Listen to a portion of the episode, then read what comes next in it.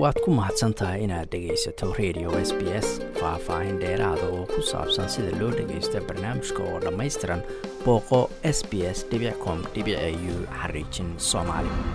Inkastoo hadda ay u eg tahay in nooca covid nneteen-ka ee omicronka la yidhaahdo ka sii yaraanayo ama ka sii naxuusayo gobollada dalkan australia iyo adduunka intiisa kale soo bixidda nooc kale oo ka sii faracmay omicronka ayaa digtoonaan geliyey maamulayaasha caafimaadka ee dalkan australia. B a two oo ah farac ku abtirsada omicronka ayay saantiistayaashu dadaal ugu jiraan qiimeynta khatarta uu keeni karo.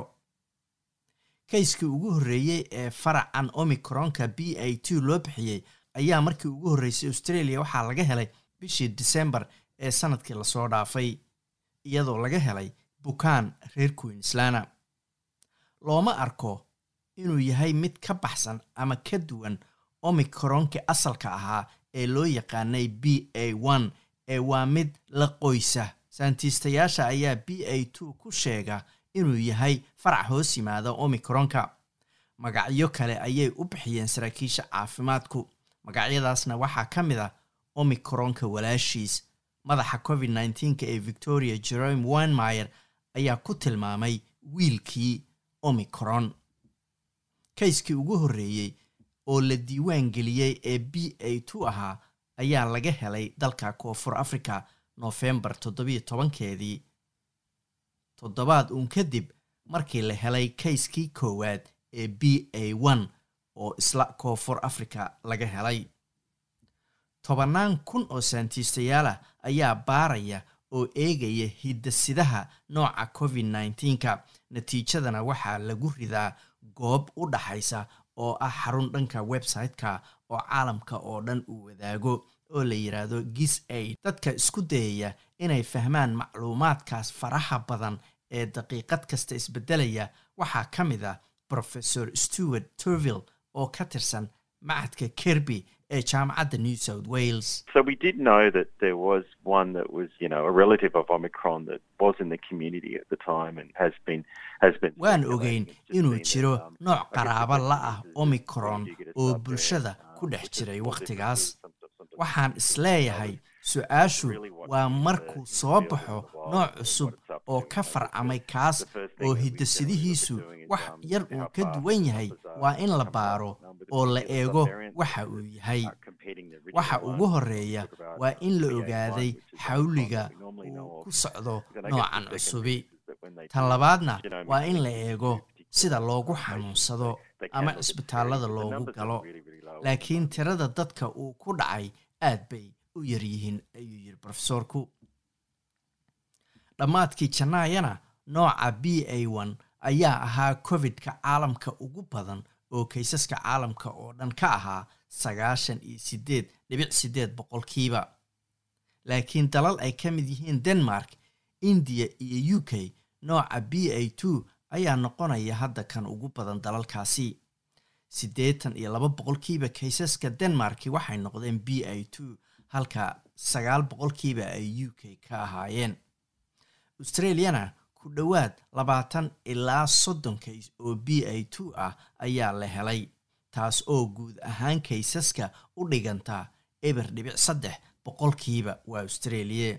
Professor shadari vason oo ka tirsan hay'adda sayniska ee australia ee loo soo gaabiyo c s i r o ayaa sheegay inay u badan tahay in tirada saxda ah ee kaysasku ay ka badan yihiin tirada lagu kaydiyo website-ka caalamiga ah ee gis aid maadaama ay daahaan ayuu yidhi gelinta macluumaadkaasi iyo xaqiiqda ah in tiro yar oo kaysaska covid nneteen a la baaro hiddasidahooda si lagu ogaado nooca ay yihiin.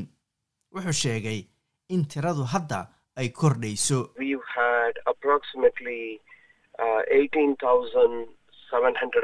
uh, 18,750 uh, BA2. waxaa konton iyo shan dal oo lagu baaray noocan hiddasidahooda laga helay ku dhowaad siddeed iyo toban kun iyo toddoba boqol iyo konton kays oo nooca b a two ah.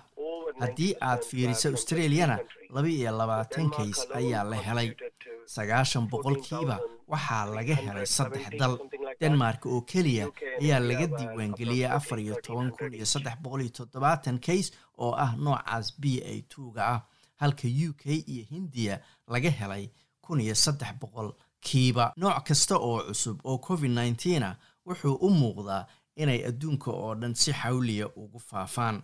Waxay covid nneteen-kii u horreeyey ee wuhan dalka china laga helay ku qaadatay saddex bilood inuu adduunka oo dhan ku fido laga soo bilaabo bishii disembar labadii kun iyo sagaal iyo tobankii nooca omicron ayayse ku qaadatay bil keliya inuu gaaro toddobaatan iyo siddeed dal afar iyo tobankii disembar tan ayaa ka dhigaysa caabuqii ugu xawli badnaa taariikhda sida laga soo xigtay cilmi baare cudurrada faafa ku takhasusay anton erkorika wuxuu sheegay inay sannado qaateen caabuqyadii black death ee qarnigii afar iyo tobnaad iyo daacuunkii qarnigii sagaal iyo tobnaad inay adduunka oo dhan gaaraan. Wixii lagu sheegay hargebkii ruushka ee kun iyo siddeed boqol iyo siddeetan iyo sagaalkii oo ay dhici karto inuu sabab u ahaa coronavirus kale ayaa sidoo kale qaatay bilo inuu adduunka oo dhan gaaro.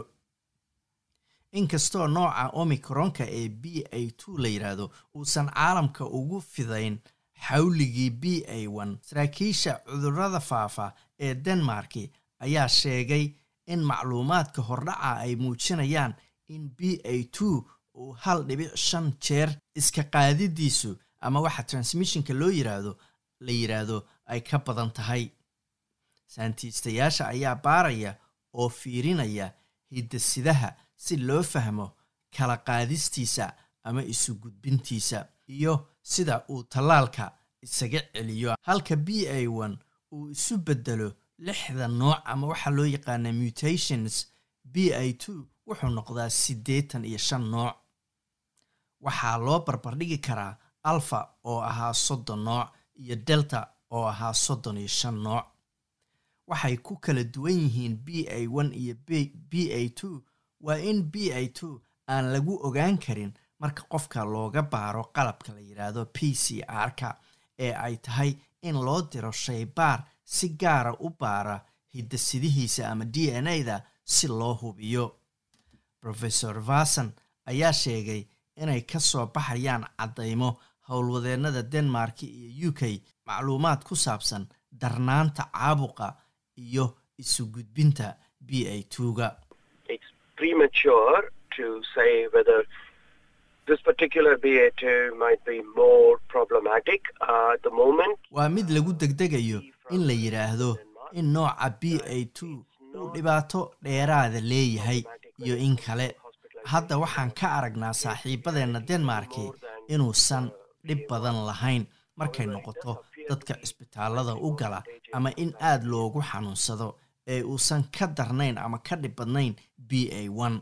Hase yeeshee waxay u muuqataa inuu wax yar ka faaf badan yahay nooca b a one-ka ururka caafimaadka adduunka ee w h o loo soo gaabiyo ayaa sheegay in xilliga hadda la jooga uu b a two yahay farac ka baxay omicronka ee uusan ahayn nooc cusub oo caadiyan hadduu nooc cusub oo gaara yahay loo bixiyo magac ka kooban xarfaha griiga wuxuuse yahay nooc walaaciisu la mid yahay b a maria van kerhove oo ka tirsan w h o ayaa sheegtay in ururkeedu isha uu ku hayo soo bixidda nooc cusub oo covid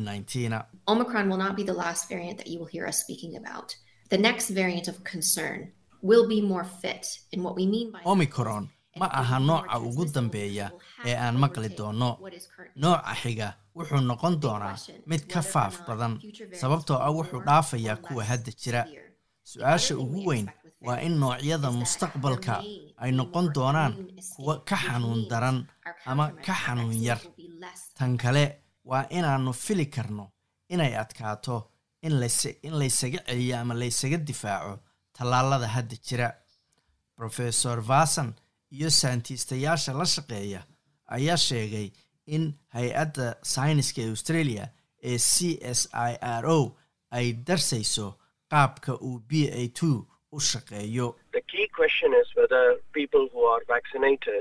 Uh, are as protected against this BA2. su'aasha ugu weyn Uh, waa in dadka tallaalan ay iska difaaci karaan b a two iyo in kale. haddii aad labo tallaal ama saddex tallaal qaadatay xataa haddii uu emikronku kugu dhaco waxay u badan tahay inaadan cisbitaal u gelin laakiin waa inaannu sii daraasno ama sii baarno.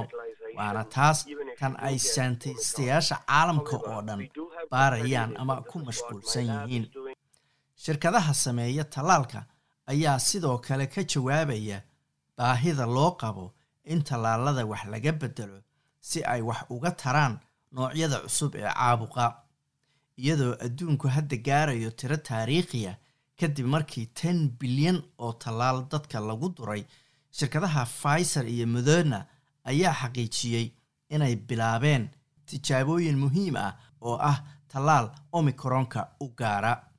Tan ayaa imanaysa iyadoo waxyaalo badan aan laga aqoon asalka covid nneteen-ka oo ka soo bilowday wuhan waa dalka chine rofesor dominic dwyer oo ka tirsan jaamacadda sydney wuxuu qeyb ka ahaa koox saantiistayaala oo caalamiya oo u safray wuhan bishii febraayo labadi kun iyo labaatan iyo kowgii si ay u baaraan asalka caabuqan.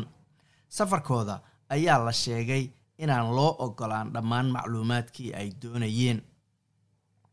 Rofesor dwyer ayaa sheegay inay lagama maarmaan tahay in la ogaado taariikhda caabuqan si loogu diyaar garoobo cudurrada faafa ee mustaqbalka iman doona.